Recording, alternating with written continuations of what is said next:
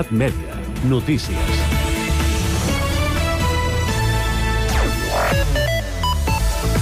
Molt bona tarda. El Servei Meteorològic de Catalunya preveu precipitacions avui durant la tarda i al vespre a Sant Cugat. De fet, el risc de pluja intensa és alt i pot arribar a superar els 40 litres per metre quadrats en 30 minuts a les comarques del litoral i el prelitoral.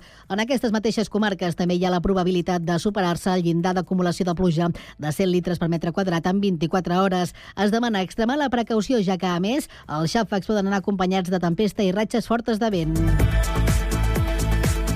És divendres 15 de setembre de 2023. També és notícia que el Club Muntanyenc Sant Cugat ha presentat aquest dijous la 64a edició de la marxa infantil que se celebrarà el 8 d'octubre.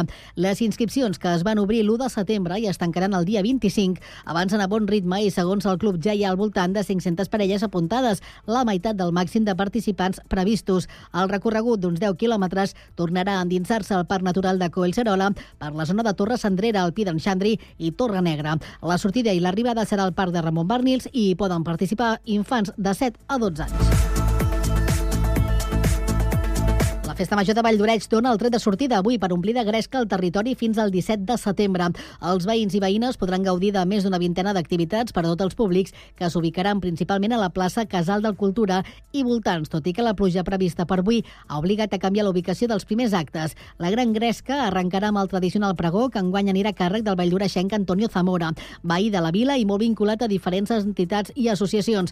El concert de Buos i Mariona Escoda d'Eufòria demà són els plats forts musicals d'aquesta nova edició edició, que també ha programat les tradicionals habaneres, la trobada castellera i el concurs de paelles, entre d'altres.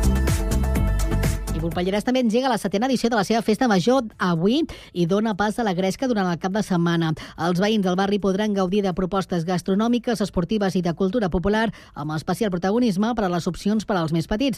Enguany, el pregó va càrrec de representants del mercat de Volpelleres. Poden consultar tot el programa complet de la festa grossa del barri i també de Valldoreix a l'agenda de Cugat Mèdia, www.cugat.cat. I la coordinadora d'AFA reclama a l'Ajuntament que reactivi l'UMET perquè recuperi un esplendor que s'ha deixat morir. Per a la presidenta de la coordinadora, Carme Roca, és imprescindible actualitzar el model d'oficina esportiva amb una clara aposta per l'esport escolar i preservar-lo per evitar les pressions dels clubs per federar. Roca ha dit això en el primer dels debats que organitza Sant Cugat Creix sobre l'esport a Sant Cugat. Res més per ara, tornem d'aquí una hora amb més informació.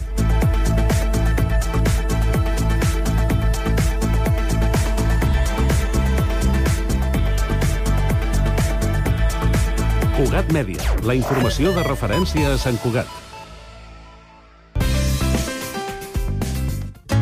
Alexa, abre Radio San Cugat.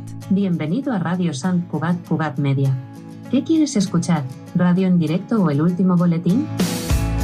Cugat Media estrena skill per poder escoltar Ràdio Sant Cugat des d'Alexa. Per exemple, l'actualitat de Sant Cugat. Alexa, pide a Radio Sant Cugat el último boletín.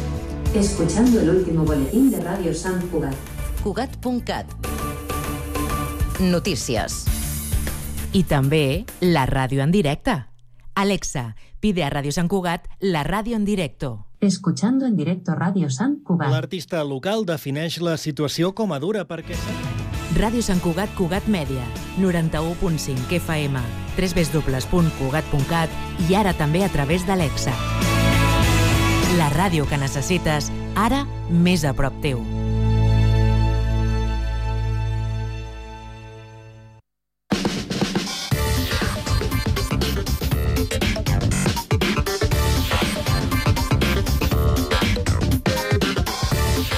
Cinc de la tarda, 4 minuts. Eh, Reprenem el Connectats amb la segona hora i la informació de servei. Comencem pel trànsit per saber com està funcionant eh, les entrades i sortides a Barcelona pel que fa a l'automòbil. Per tant, eh, Jessica Rius, hi ha, hi ha moltes incidències o no? Perquè és una tarda una mica complicada, no?, a la que cauen quatre gotes. Doncs no, no n'hi ha moltes. Només ens trobem amb retencions a l'AP7 en el tram de Sant Cugat cap a Tarragona, però no hi ha, no hi ha gaire cosa més. Això és tot segons informa el Servei Català de Trànsit. Doncs a veure què passa amb el servei del transport públic. Anem al Transmet. Àlex Cubells, bona tarda. Doncs ara mateix represa la circulació a la línia R1 de Rodalies, recuperació progressiva de les freqüències de pas habituals. Per altra banda, es mantenen els endarreriments a la línia R2 Sud per un descarrilament de trens sense passatgers a Vilanova i la Geltrú. Alguns trens es veuen obligats a rotar a Sitges, però s'està treballant per encarrilar el tren el més aviat possible. Recordem també que es manté el servei alternatiu per carretera a la línia R8 entre Martorell i Castellbisbal i a la R4 entre la Granada i Vilafranca del Penedès per obres de millora a la infraestructura. I finalment, amb motiu de la cursa de la Mercè a Barcelona d'aquest diumenge, entre les 6 del matí i les 3 de la tarda, el recorregut de totes les línies d'autobús entre Plaça Espanya i el Parc de la Ciutadella es veurà modificat o interromput. Recomanem que les persones usuàries que consultin específicament l'estat de cadascuna de les línies afectades. Per ara, això és tot des del Transmet. Us seguirem informant. Bon cap de setmana.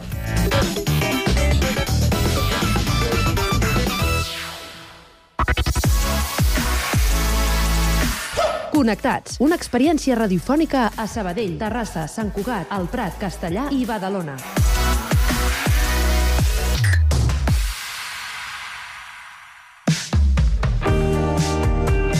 Veus locals.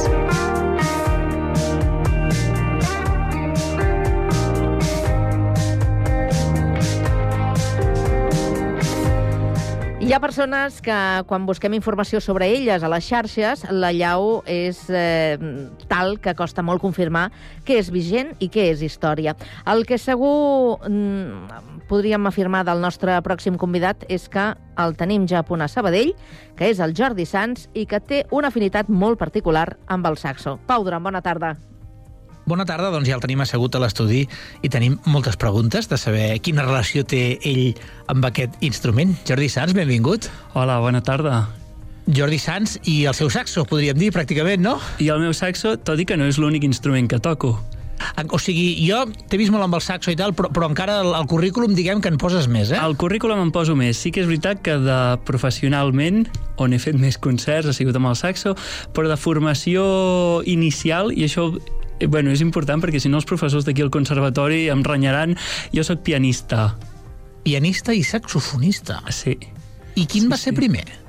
Vaig començar amb el piano. Ah? I de fet vaig començar amb el piano purament eh, form una formació clàssica i després va ser amb el saxo, que no sé què va passar, que jo ja vaig anar el primer dia al professor i li vaig dir, jo vull tocar el saxo, però jo vull fer jazz, jo vull fer modern, música moderna. I em va dir, ui, eh, a, veure, a veure què fem amb això, primer hauràs d'aprendre a bufar. I, o sigui, un condicionant important, ja, eh, per Molt començar. important, sí. I el, el, el, què és l'inici en la música? És a dir, el fet de dir començo a fer piano, això com et va venir? Jo suposo que ve de la meva mare. La meva mare va, eh, va, va cursar estudis musicals al Liceu, a Barcelona. Ja... Carai. Sí, sí, no s'hi dedica, però sí que va fer una carrera eh, de, com a pianista i, de fet, estava acompanyant a, a ballarins a, aquí a Sabadell. I eh, hi ha algunes fotos que tenim a casa de jo potser amb 3 anys a, les a la falda de la meva mare ja tocant una mica el piano i suposo que ja d'aquí venia. I el tema del jazz és curiós també perquè el meu pare que no és ben bé músic, però és amant de la música, sí que em posava um, de fons uh, música d'un quartet de música negra, de gospel. I potser d'aquí em van quedar aquestes dues facetes, la part clàssica i la part més moderna. Clar, llavors era una cosa que a casa es facilitava, no? Que tu la... tenies aquesta experiència... Completament, sí, sí, uh. -huh. sí. De fet, la germana també ha sortit música i estem, uh, estem molt contents tots. Hi ha música sempre a casa. I el, I el que fa ella és compatible amb el que fas tu? Ah, en un cert punt. Ella té els estudis, ja els ha acabat, els estudis de superior de guitarra guitarra espanyola, guitarra clàssica, però, clar, amb la guitarra ara ja s'obre tot un món. No, no, no és només música clàssica, llavors sí que en algun moment podríem fer, i hem fet així més a casa, a nivell familiar, un duo, saxo, guitarra, piano, guitarra és una mica més complicat, però saxo, guitarra sí hem fet alguna coseta. I en quin moment dius, uh, vinga, va, cap al conservatori? Jo vaig estudiar primer de tot a l'Escola Pia, i allà ja vaig començar a fer, es deia primària musical, i integraven els estudis de música a les, als horaris, com si fos un extraescolar, però a dins. I va arribar un moment en el que la professora de piano, en aquell llavors, la Marta Moliner, eh, em va dir, bueno, aquí ja s'ha acabat. Ara, si vols, anem, anem a fer un sèrio, preparem les proves per entrar, i vaig entrar cinquè de grau professional a, aquí al conservatori. Ostres, Déu, Déu-n'hi-do, no? Déu-n'hi-do. He de dir que el piano és un instrument que a mesura que passen els anys es complica bastant i com a tots els instruments, eh? a veure si aquí els músics em, em... però sí que s'hi han de posar hores quan ja vols passar a cert nivell que ja no és només el disfrute personal sinó ja és mm, tenir un cert domini s'hi han de posar hores Clar, i llavors, eh, com passes del, del piano a dir no, no, però jo vull anar pel saxo? El que va passar, segurament no sé si és pel saxo o pel tipus d'instrument, però de seguida que vaig començar a tocar el saxo em van començar a sortir ofertes de feina, petits concerts, al principi òbviament no eren pagats, però per mi ja eren petites feines, que eren per aquí, uh, hi havia uh, hi havia tot un seguit de bars aquí, que ara ja no hi són, desgraciadament, però, però sí que muntava unes jam sessions, jo ja anava allà a escoltar i a veure si podia participar, i de seguida em vaig poder engrescar, i és un instrument que t'absorbeix molt perquè això t'ho passes molt, molt, molt bé amb el saxo. I, I aquest va ser el pas, que si bé no me'n vaig ni adonar.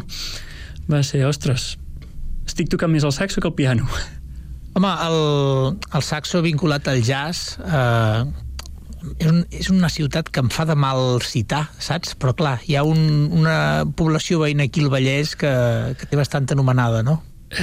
Fa de mal citar, no? Ja, ja, ja ho hem dit. A veure, s'ha de dir que aquí sí que hi ha algunes cosetes que valen molt la pena, hi ha hagut algunes iniciatives, és això, doncs, bars que van durar poc, o uh, el Griffin, un tradicional bar, que van, van haver de tancar al final, però sí que hi han hagut algunes petites cosetes. Ara Wild Gis, tenim el Morrosco, però sí que és veritat que, clar, comparat amb la ciutat veïna, en aquest punt, anem una mica enrere. Et toca a vegades anar a Terrassa, dir, mira, no m'ho tingueu en compte i som-hi. Sí, de fet, em vaig estrenar a Terrassa, ah, sí? a la cava de Terrassa, amb el professor d'aquí del Conservatori de Saxa, vam anar un dia els dos junts, i allà em vaig, em vaig estrenar i a partir de llavors ja va ser Bueno, on sigui. on sigui i amb qui sigui, perquè, Jordi, jo he intentat fer la llista de, de grups en els que participes i mira, no sé com autonomenar-me, però, però és que no me n'he sortit. A veure, posa'm una mica la, la llista és llarga i al final això segurament, si els hi preguntes a molts artistes, et diran que o fas això o no t'hi pots dedicar. Uh, sí que hi ha la part de professor, però si tu vols dedicar-te només a fer concerts has de poder tocar tot no s'hi val només no dir és que jo sóc músic de jazz. Llavors, sí que tinc el meu quartet, que és el que em fa més gràcia, Jordi Sanz featuring Johnny Witzy, el, el Johnny Joan també d'aquí Sabadell, ens vam conèixer al conservatori, tenim una amistat molt bonica i hem anat fent el, un projecte molt, molt, molt fort, consistent, molt potent, pur de jazz. Però a part d'això, estic també en una formació Crazy Rockets, toquem rock and roll, rockabilly, tenim un concert de Nadal molt xulo. Molt xulo? Molt xulo. I molt demandat i molt demandat. A veure, s'ha de dir que la gent no està acostumada a anar a veure grans produccions aquí a Sabadell i, i, i, i quan ho muntem aquí a Sabadell, que hem tingut la sort de poder-ho fer ja dos, dos cops gràcies a l'associació de passabristes, clar, Nadal, tot, tot va tot junt, i la veritat és que la gent queda encantadíssima gairebé podríem dir una mica que van fer com l'experiment a la primera, no? Sí, I, i la segona gairebé per aclamació popular. Al teatre principal, això va ser, va ser un èxit, i no només aquí a Sabadell, això ja ho estem movent a tot Catalunya i està, bueno, estem molt contents. Jo m'ho passo molt bé. Al final, si tu t'ho passes bé, això el públic ho nota i és el que ens ho diuen, no? Moltes vegades és, ostres, es notava que us ho passeu molt bé i, i, i jo he disfrutat amb això i, i estem contents. Només necessitem això. Però a més en aquest, no només eh, mm, toques instruments, sinó que agafes també una part eh, directiva no, de l'espectacle? Sí. Uh, clar, aquest projecte, al ser molta més gent, hi ha una part important d'arranjaments i també hi ha una part important de disseny de tot el show, no és només un concert, és un show.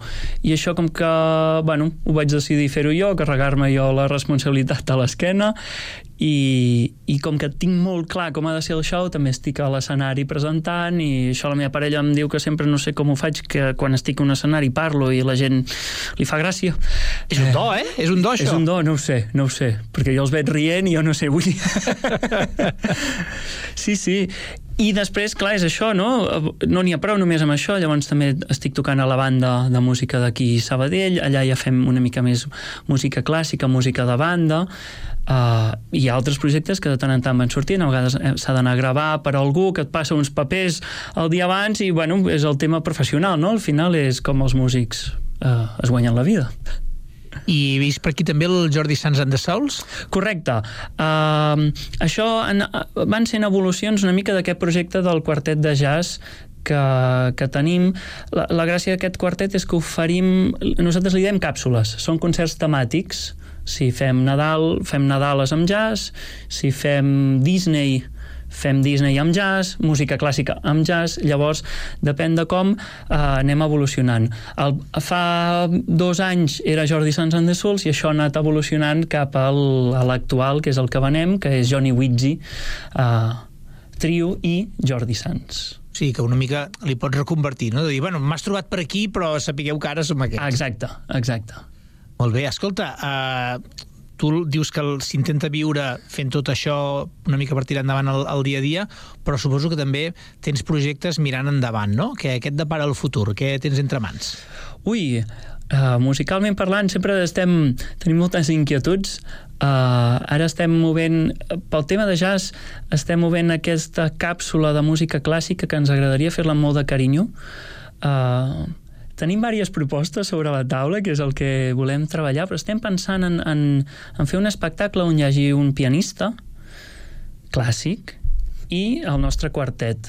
I la gràcia és que es puguin anar intercalant al mateix moment la música purament clàssica, el que es va compondre, amb el, de forma simultània amb l'arranjament de jazz.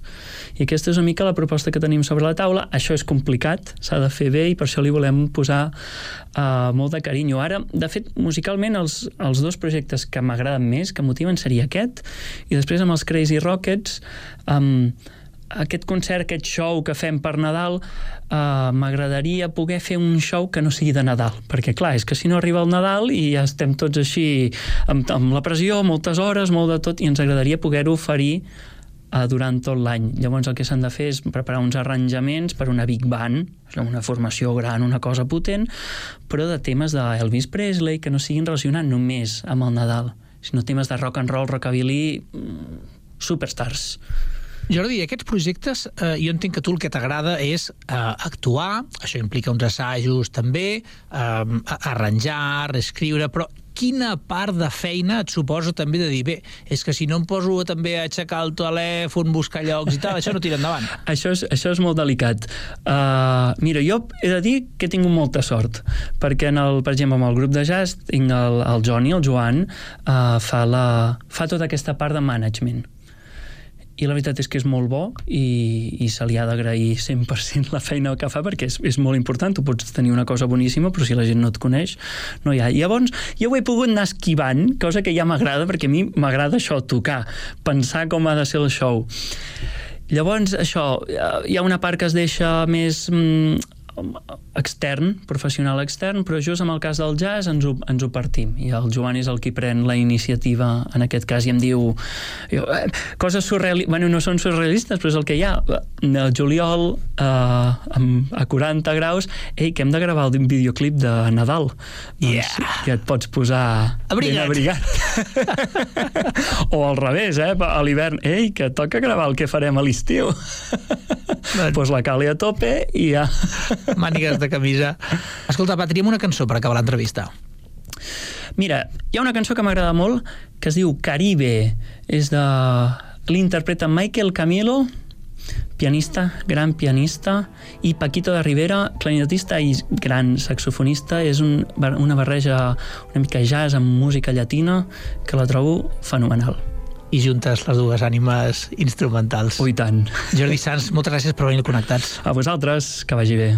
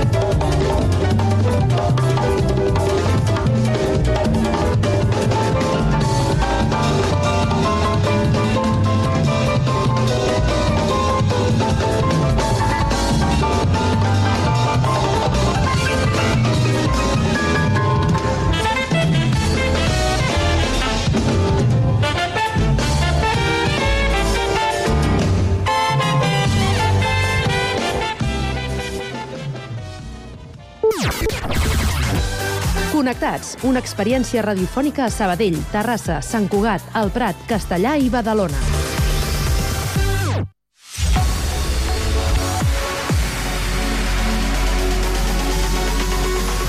Connectats a les xarxes. Bé, doncs arriba el moment, com cada divendres, de fer un repàs als virals i a les novetats que trobem a les xarxes, on en aquesta secció que anomenem el Connectats a les xarxes, aquesta temporada a càrrec de la Jèssica Ríos. En Jèssica, bona tarda de nou. Bona tarda.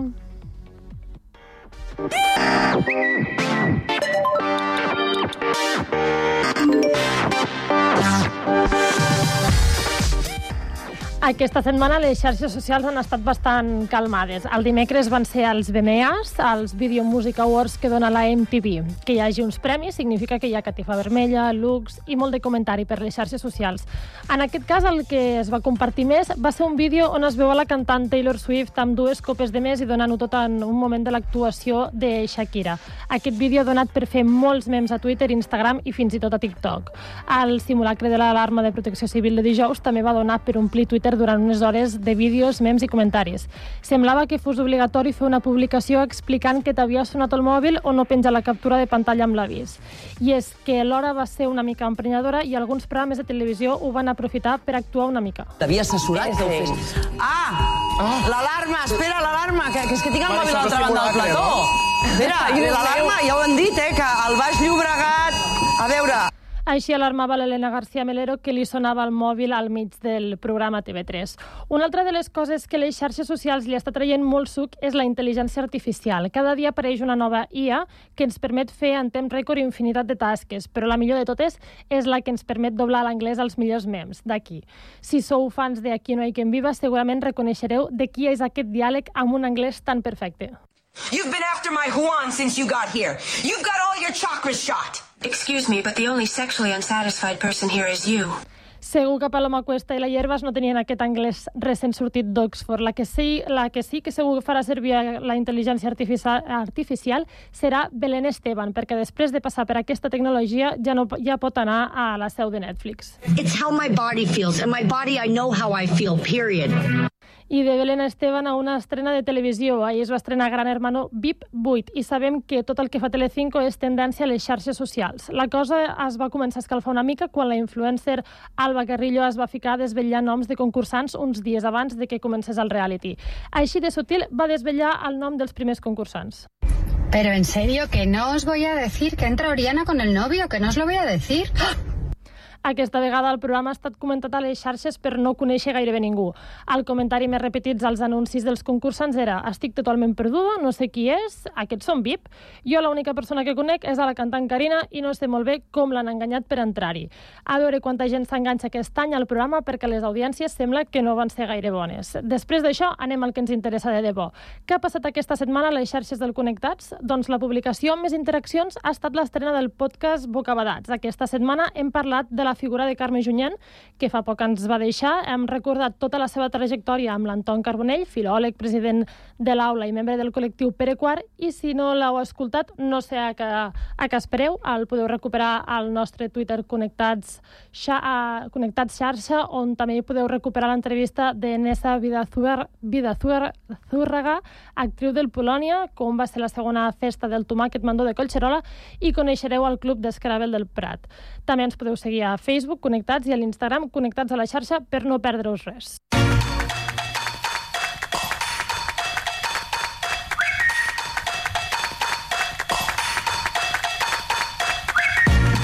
Però avui no només parlarem de xarxes, sinó que també d'estrenes. Aquest inici de mes de setembre les plataformes han vingut carregades d'estrenes, però crec que la més sonada és la del Cuerpo en Llamas. Nunca he contado de verdad lo que pasó esa noche. ¿A qué esperas? Ha aparecido el vehículo de Pedro en el pantano de Foch. Quemado. Y en el maletero hemos encontrado un cadáver. Creo que fue Javi. ¿Tu ex marido? Me has querido joder, pero bien. ¿Por qué me preguntas a mí? ¿A quién debería preguntar? Albert López. ¿Ese es el amante? Nunca he salido con Albert. És una sèrie de vuit episodis que parlen sobre el crim de la Guàrdia Urbana, amb Úrsula Corberó interpretant Rosa Peral i Quim Gutiérrez al paper d'Albert López. Els que us hagueu vist el cas de crim sabreu qui són i els que no, no us vull fer spoilers. Amb aquesta sèrie, abans d'estrenar-la, va haver-hi una mica de rebombori, perquè la Rosa Peral va demandar a Netflix perquè deia que volia veure la sèrie abans que s'emetés per drets d'autor, ja que deia agreujava la seva imatge. He de dir que el postcast de la Guàrdia, Guàrdia Urbana té per fer una segona i tercera temporada del Cuerpo en Llamas. Aquesta sèrie es va estrenar el passat 8 de setembre a Netflix i pels qui us enganxi aquest cas no us podeu perdre la cinta de Rosa Peral.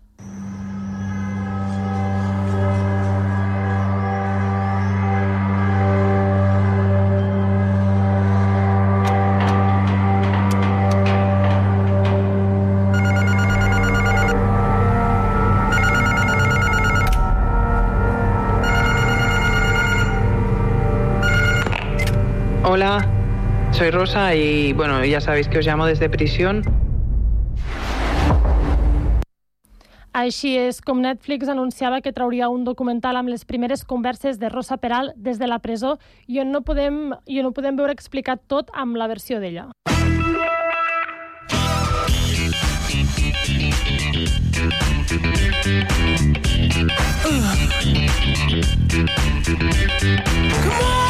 I en el panorama musical, ahir Gossos va anunciar amb una actuació a la plaça del Canonge Bolell de Vic que tornen als escenaris amb 10 únics concerts al 2024, eh? d'octubre, d'abril a octubre.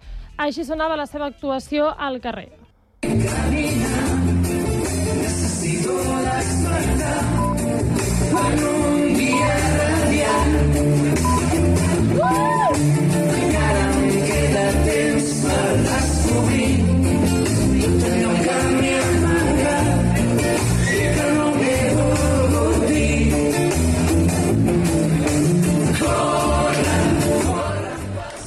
altre que també va anunciar el concert aquesta setmana d'una manera sobtant és el Guillem Gisbert, cantant dels Manel, que ha anunciat que farà dos concerts en solitari mentrestant el grup està hivernant. Una a Barcelona, a la Sala Polo, i l'altre a les escales de la Catedral de Girona dintre del Festival Estrenes. Pel de Barcelona ja no queden entrades. Suposar que malgrat no haguem gaudit de presentació oficial, més o menys així com jo, estàs assabentat de la meva existència, de les coses que faig ben volgut, jo ho reconec que hi faré covard de mi.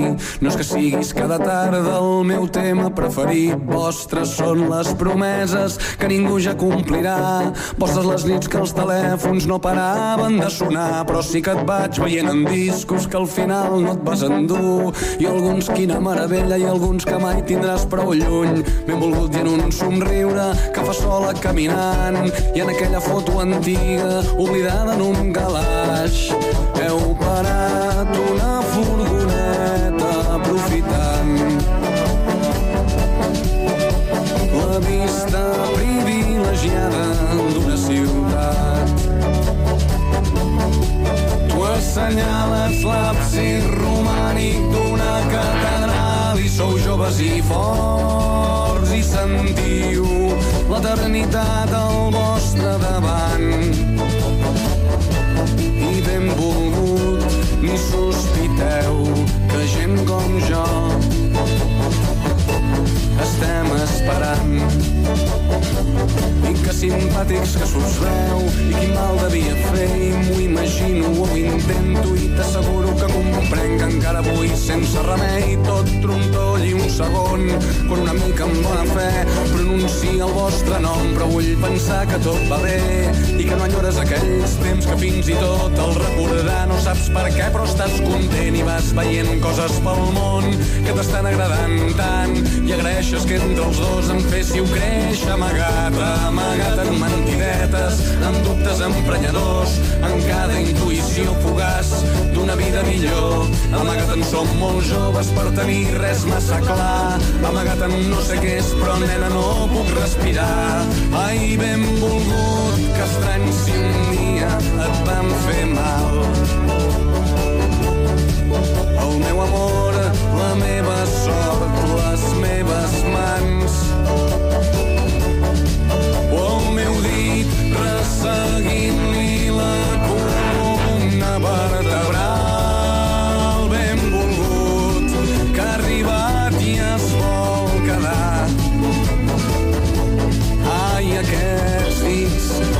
senzills de gent com jo que estava esperant. Ben volgut ho deixo aquí, que sé que ets un home ocupat. Suposo que és moment d'acomiadar-me esperant. No haver-te emprenyat massa, no haver semblat un boig, que la força ens acompanyi. Adeu, fins sempre sort, per si un dia ens creuem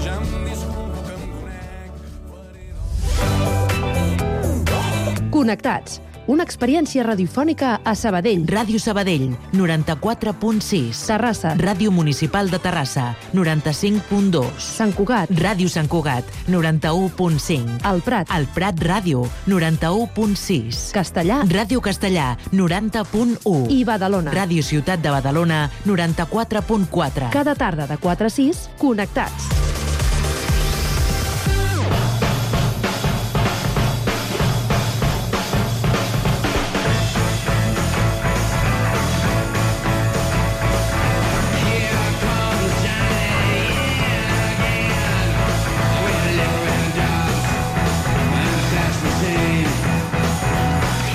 Doncs ara si voleu saber de primera mà sobre les estrenes d'aquest cap de setmana a la, carte a la cartellera de cinema, esteu atents perquè arriba la secció del setè art amb el periodista Jordi Guillem i el nostre company Sergi Estapé.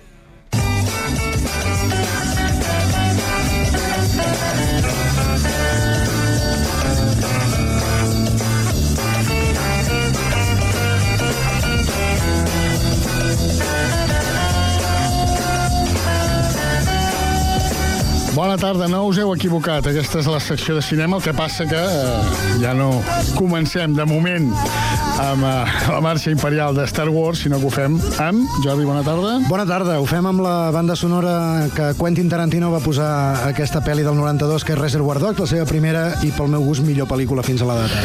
Molt bé, no coincidim perquè per mi és millor Pulp Fiction, però bé, escolta tu, això són gustos. Doncs el Jordi, ja ho sabeu què és, el Jordi Guillem, periodista eh, de Diari de Terrassa, el nostre cinèfil, mm, no sé si predilecte o... Un- un de- un de tants. És, no, no és un de tants, és el de sempre. Ja ho sabeu, com sempre parlarem de les estrenes que hi ha aquest cap de setmana. Esperem que hàgiu tingut unes bones vacances. Nosaltres n'hem tingut molt curtes, però bé, és el que hi ha, és el que té eh, ser pobre. Ser pobre, exacte. Escolta'm una cosa, que, que comencem amb, amb un thriller de, on surt un, bé, un dels nostres preferits, el eh, senyor Tossar, que es diu Todos los hombres de Dios. Què, què m'expliques d'aquest eh, thriller eh, fet aquí a Espanya? És una pel·li dirigida per Daniel Calp Calparsoro, que és un cineasta espanyol eh, que ha fet, en el passat, sobretot, va fer pel·lis interessants i reconegudes, com Vacío, Guerreros, eh, també Cien años de perdón, i en la línia de Cien años de perdón Mhm. ha rodat ara, com tu bé deies, un thriller d'acció eh, sobre el terrorisme, també, que explica la història d'un atemptat eh, que es produeix... Basat en fets reals o no? No, no, no, és O una fan- ficció, és totalment No, ficció. ai, quasi no. No, no, no, No. és, és un... És inventat. Sí, és un, hi ha un atemptat terrorista, hi ha tres terroristes, un d'ells és el Hamza, i aquest Hamza doncs, agafa el Santi, que és el personatge que interpreta el nostre admirat Luis Tosar, l'agafa com, a, com a rehent, diguéssim, i a partir d'aquí, doncs, això, porta una bomba enmig de la Gran Via madrilenya, amb el, amb el conseqüent estrès i interès que genera això per la pel·lícula, i aquí entren en joc els serveis d'intel·ligència, els serveis d'emergència, les forces de seguretat, i allò intenten... És un thriller d'aquests d'estar enganxat a la cadira i amb un repartiment bastant interessant, a banda del l'actor gallec Luis Tosar, tenim Imma Cuesta, que mm, crec que també bona- t'agrada, i hi ha altres actors secundaris habituals, diguéssim, del cinema espanyol, com Roberto Enríquez Mhm. o Fernando Cayo. Una proposta interessant si voleu passar una bona estona. Tossar mai, mai de ser. No. Escoltem una mica d'aquest Todos los hombres de Dios. ¿Cómo ha ido la noche? ¿Vienes ya para casa? Sí, de hecho estoy cerca, estoy en el aeropuerto.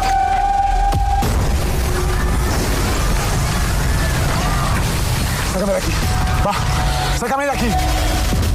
Y estas son imágenes captadas por las cámaras de seguridad mostrando a los tres terroristas. Pero han sido dos explosiones, no tres. Puede que al tercero le fallara el explosivo. O que se echase atrás y siga vivo. Próximas Doncs aquest eh, Todos los hombres de Dios de Cal Parsoro que s'estrena aquest cap de setmana. Marxem a França, un drama, Vencer o morir. Què em dius d'això? És una pel·lícula sobre la Revolució Francesa, està ambientada l'any 1793 i Tu, explica... tu no ets molt de cinema d'època, Em no? em deia si era de la Revolució No, Francesa. no. En alguns casos crec que sí es podria... Bueno, del que, de la, el que va ser la revolució que era a França em sembla que no té res a veure.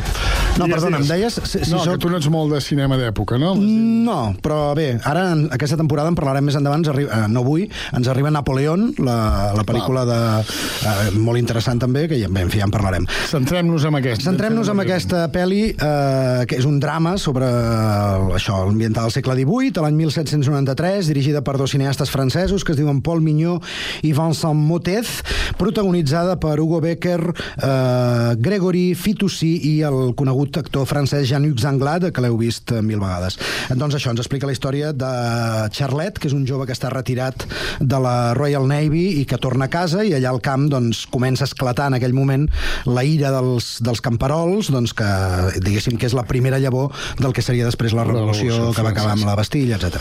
Cinema francès, que també és un cinema de, de molta qualitat, sempre ho diem, a mi personalment doncs, és un cinema que m'agrada molt, i eh, en aquest cas el, el representant és aquest Vencer o morir aquesta setmana, aquest drama, com dèiem, fet a França. Ens anem a Itàlia, una comèdia que així vist el tràiler, bueno, ve de veure sí, sí. El sol de, del futuro, què, em- què em pots dir? Il Sole dell'Avenire, El Sol del Futuro, és una pel·li de cinema dins del cinema, dirigida per un dels cineastes Mhm. italians que jo més admiro, que aquí també interpreta i dirigeix, com en moltes de les seves pel·lícules, que és Nanni Moretti. Mhm. um, aquí ens explica la història d'un director, que seria una mena d'alter ego d'ell, un cineasta italià molt reconegut, que es prepara per rodar la seva nova pel·lícula. Paral·lelament, la seva parella entra en crisi, el seu productor francès està a punt de quebrar, la seva filla no li fa cas, tot se li posa en contra, tots són problemes. La resta bé, per això, no? Eh, sí, la, re, la resta és, és l'explicació doncs, d'aquest d'aquest drama de rodatge de, de, no sé, de, que de, de Nani Moretti surt també un actor francès, Mathieu Almaric i d'altres actors italians i francesos no molt coneguts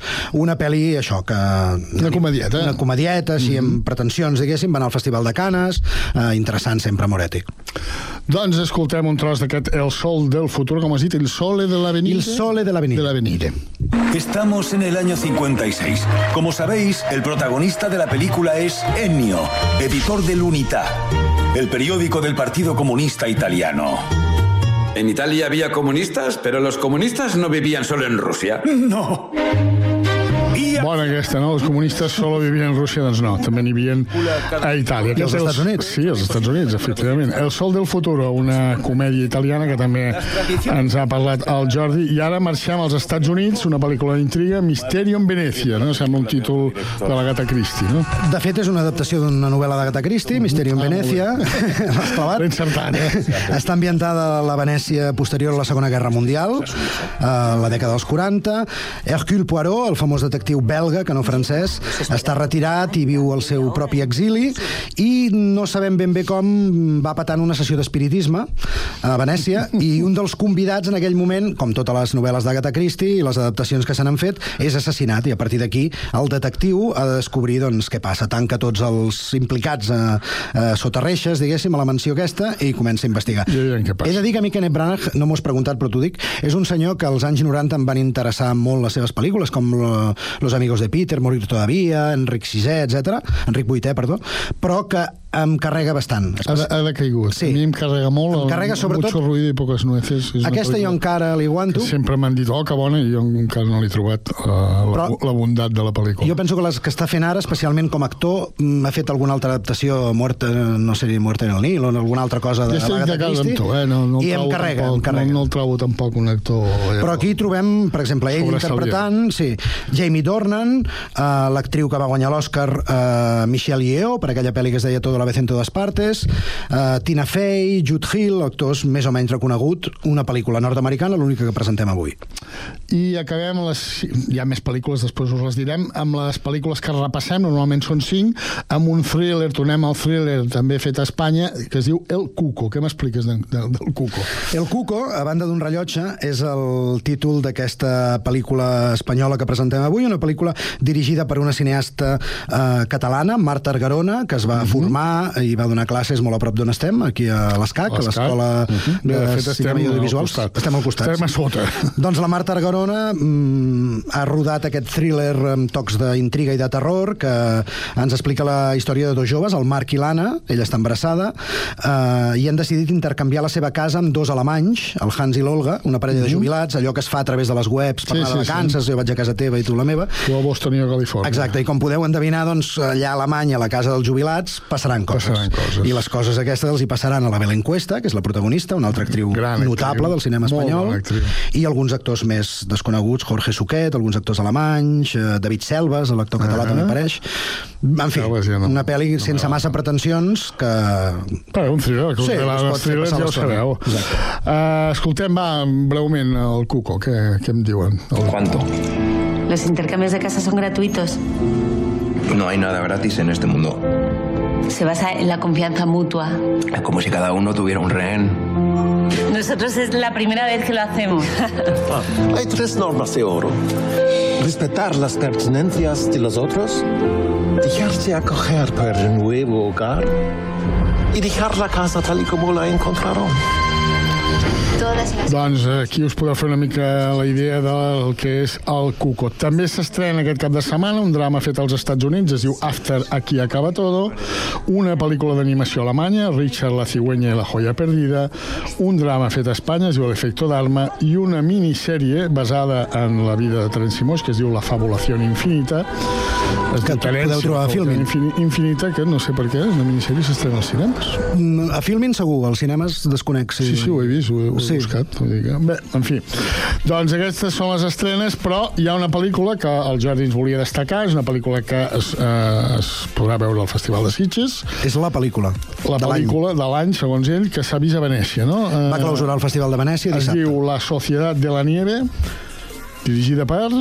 José Antonio Bayona. José Antonio Bayona dirigeix aquesta pel·lícula que està basada en el, els que sou més joves igual no el recordareu, aquella tragèdia de l'avió que es va caure pels Andes eh, L'any 72? entre Xile i Argentina, no ho Mhm. recordo bé i que van acabar, doncs bueno, és que, que es fes Van acabar malament, sí, sí clar. van acabar malament què m'expliques de la Societat de la Nieve? perquè tu vas, et veig molt entusiasmat Sí. hem de recordar que hi ha hagut altres pel·lícules un parell de pel·lícules, una del 2000 i alguna que no, no va tenir transcendència però sí que en 1993 el director Frank Marshall va fer Viven basat en el llibre Viven, precisament sí, Alive que eh, comptava amb Ethan Hawke com a protagonista i el narrador era la veu de John Malkovich aquesta dius que és potser més light no? és una, aquesta versió va ser una mica més light que sí. comparada amb la que potser és més crua la que ha fet el Bayona Sí, Bayona, per, per les entrevistes que he pogut sentir, pel que va comentar allà a Venècia, eh, primer dir que la pel·li arribarà a Netflix abans d'acabar l'any, perquè la intenció de J.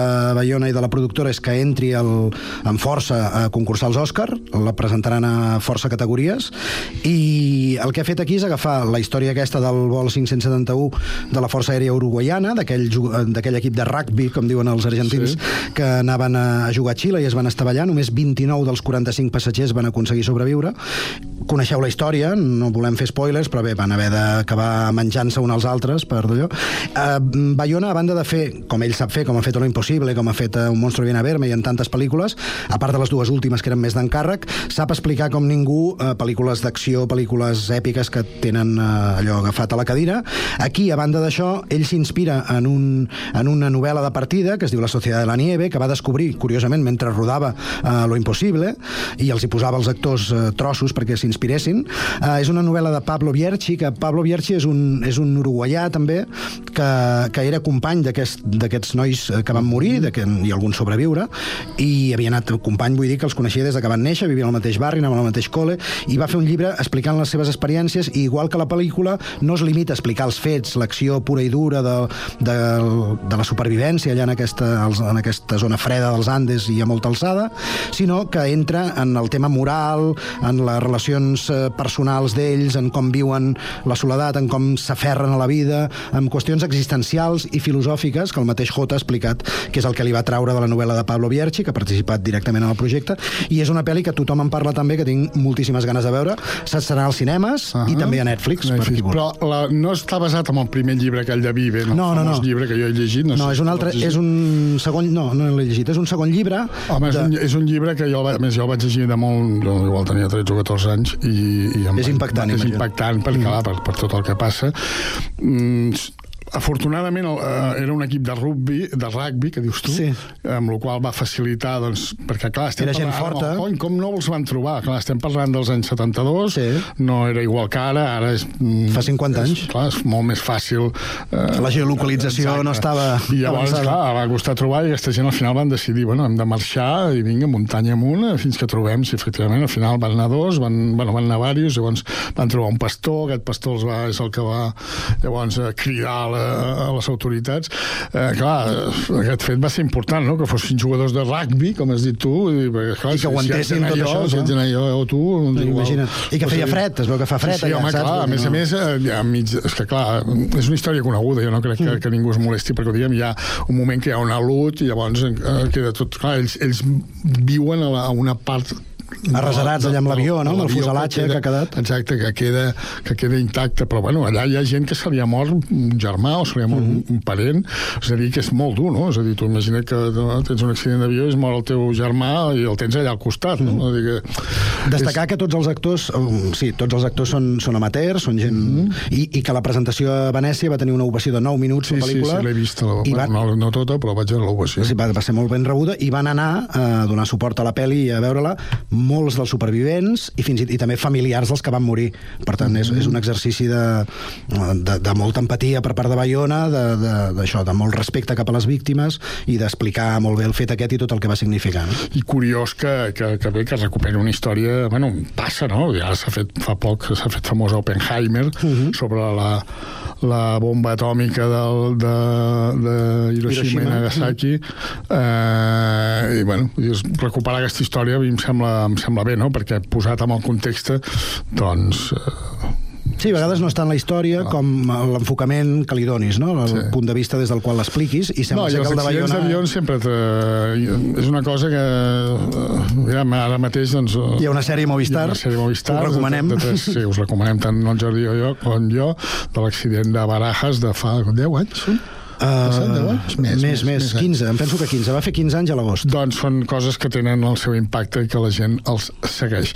Escolta'm una cosa, marxarem amb eh, la banda sonora original de la Societat de la Nieve, aquesta pel·lícula. Per cert, la pel·lícula és espanyola o és nord-americana? La pel·lícula està rodada en castellà, és castellà, espanyola, va. i sí, sí, els actors són sud-americans. Molt bé. La, la música és de Michael... Michael Giacchino, Giacchino. Giacchino que és eh, amb això marxem. Eh? Moltes gràcies, Jordi. La setmana vinent tornem amb més novetats i més notícies, més històries, més anècdotes, més efemèrides d'aquest apassionant món del cinema. Un plaer, ens veiem la setmana que ve. Bon cinema.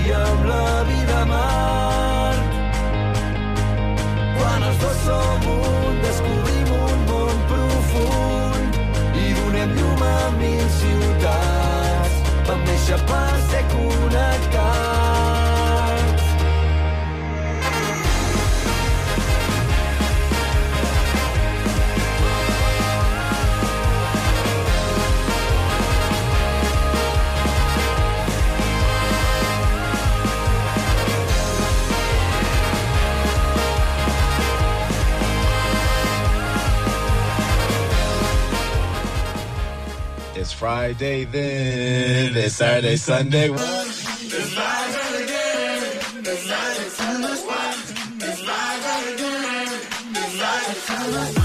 Efectivament, hem arribat a divendres i abans d'acabar ja sabeu que ens agrada recomanar-vos doncs, una sèrie d'activitats que podeu aprofitar en els diferents municipis del Connectats abans de marxar. I comencem per les ofertes que ens puguin arribar des de Terrassa. Sergi Estapé, bona tarda de nou.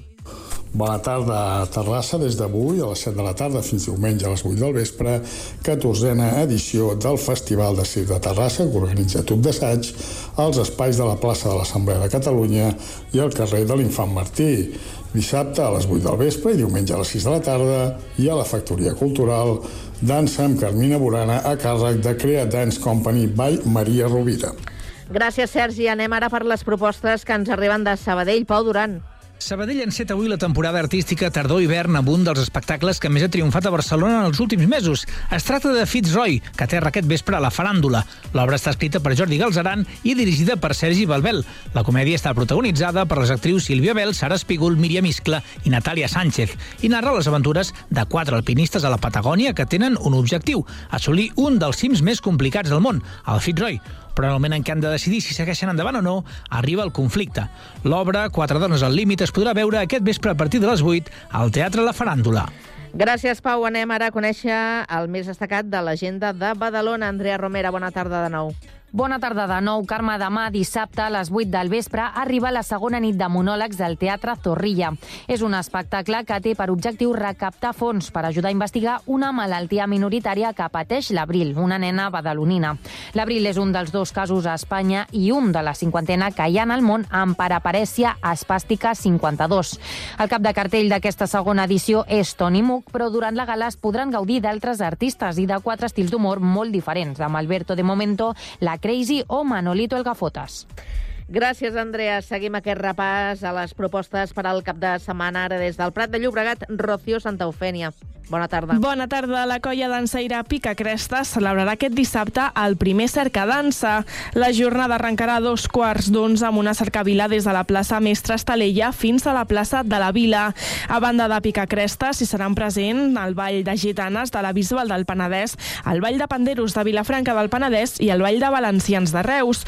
Tot plegat clourà amb el concert Vermut amb un ball tradicional i el grup Ameba.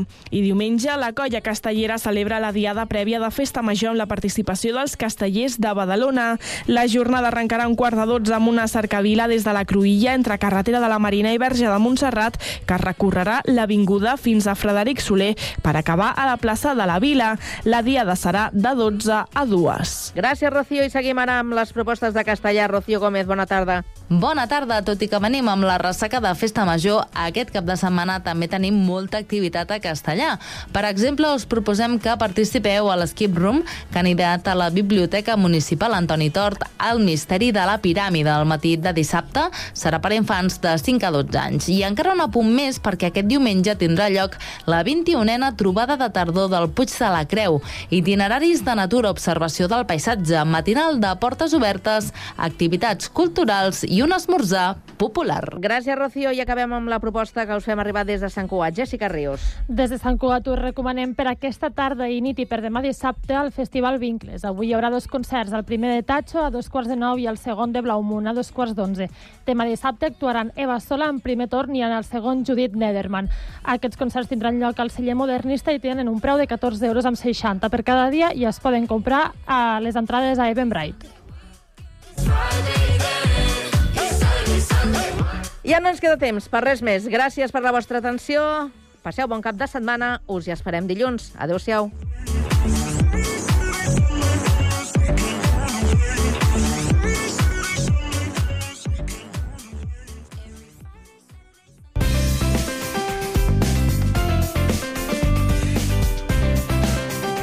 Ràdio Sant Cugat, Cugat Mèdia, 91.5 FM.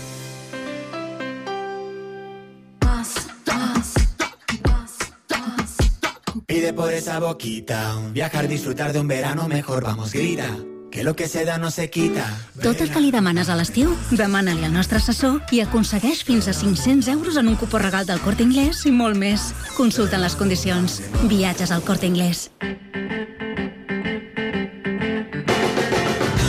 A Sant Cugat, Braseria La Bolera, el restaurant braseria situat al vell mig de la ciutat. Més de 20 anys oferint la més alta qualitat en tots els seus productes, en amanides, carns, verdures, Braseria La Bolera. Amplis menjadors per a celebracions familiars, batejos, comunions, casaments, Braseria La Bolera. Els que ja la coneixen sempre hi tornen. Baixada de l'Alba 20, al costat del monestir. Telèfon 93 674 1675.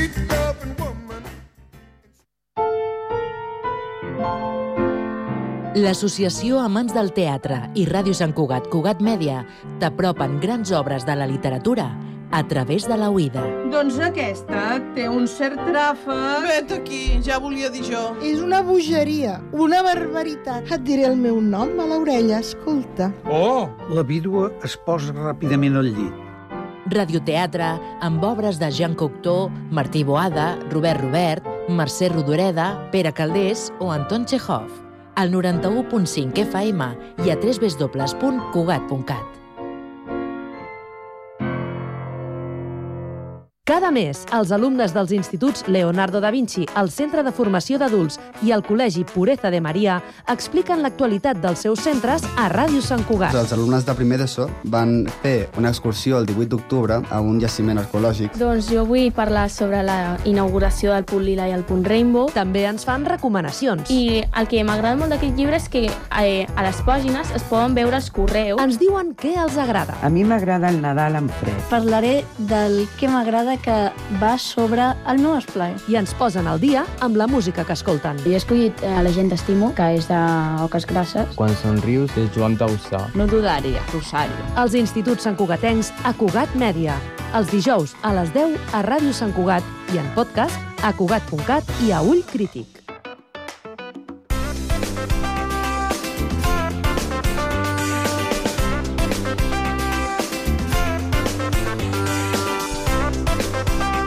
Ràdio Sant Cugat. www.cugat.cat